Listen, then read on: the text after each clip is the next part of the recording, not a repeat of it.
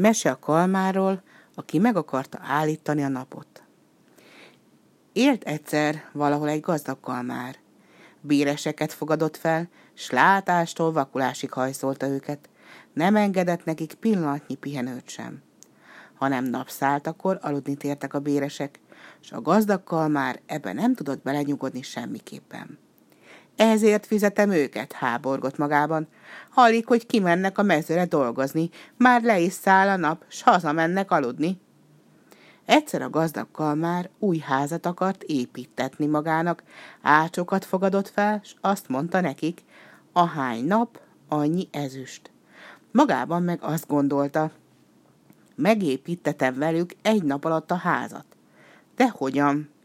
Miképpen lehetne meghosszabbítani a napot? Elindult a kalmár keresni egy okos embert, aki megtanítaná rá, hogyan hosszabbíthatná meg a napot.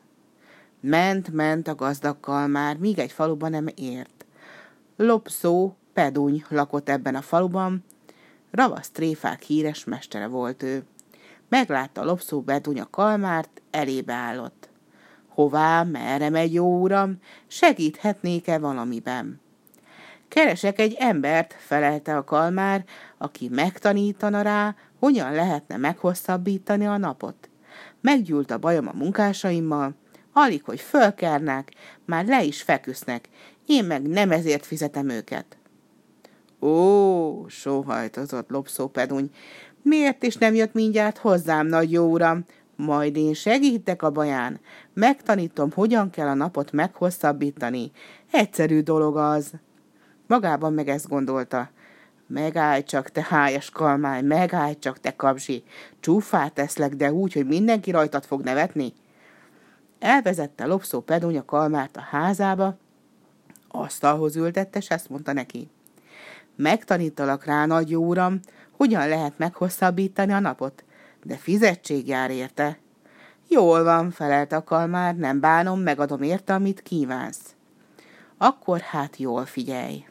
Öltöz fel jó melegen.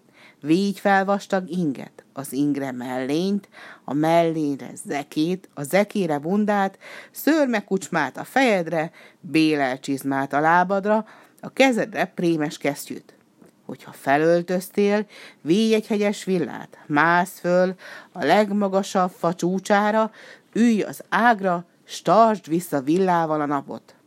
Akkor majd nem tud lenyugodni. Nem lesz addig vége a napnak, míg te nem akarod. Értette, de nagy jó uram. Megörült a kalmár.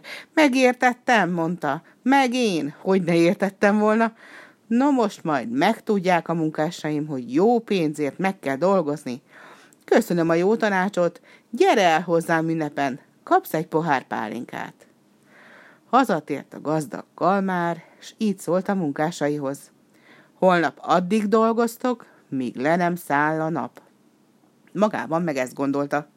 Majd én gondoskodom róla, hogy ne szálljon le. Addig tartom a villával, míg el nem készül a ház. Reggel a kalmár fölvett egy meleg inget, az ingre mellényt, a mellére zekét, a zekére bundát, szőrme kucsmát a fejére, bélel csizmát a lábára, a kezére prémes kesztyűt. Fogott egy villát, fölkapaszkodott a legmagasabbik facsúcsára. Nézik az emberek, álmékodnak, föl nem foghatták, mit vett a fejébe. A kalmár meg felült egy vastag ágra, fölemelte a villáját, és elkiáltotta magát. No béresek, ácsok, míg a fáron le nem szállok, abban ne hagyjátok a munkát. Hordják a béresek a gerendákat, az ácsok meg faragnak, gyalulnak, fűrészelnek, kalmár pedig csak ült a fán, startja a villájával a napot. A nap meg süti, perzseli, tűzi, égeti egyre erősebben. Melege volt a kalmárnak, szakadt róla a veríték. Lenézett a fáron, mit csinálnak a munkásai. Fúrtak, faragtak, fűrészeltek, gyalultak. Delelőre hágott a nap, a kalmár pedig úgy elgyötrődött, hogy alig bírta a villát. Azon jár csak az esze, ugyan mikor száll már le a nap, még megsülök idefönt. Soha életemben nem értem még ilyen hosszú napot. Nem is bírta tovább.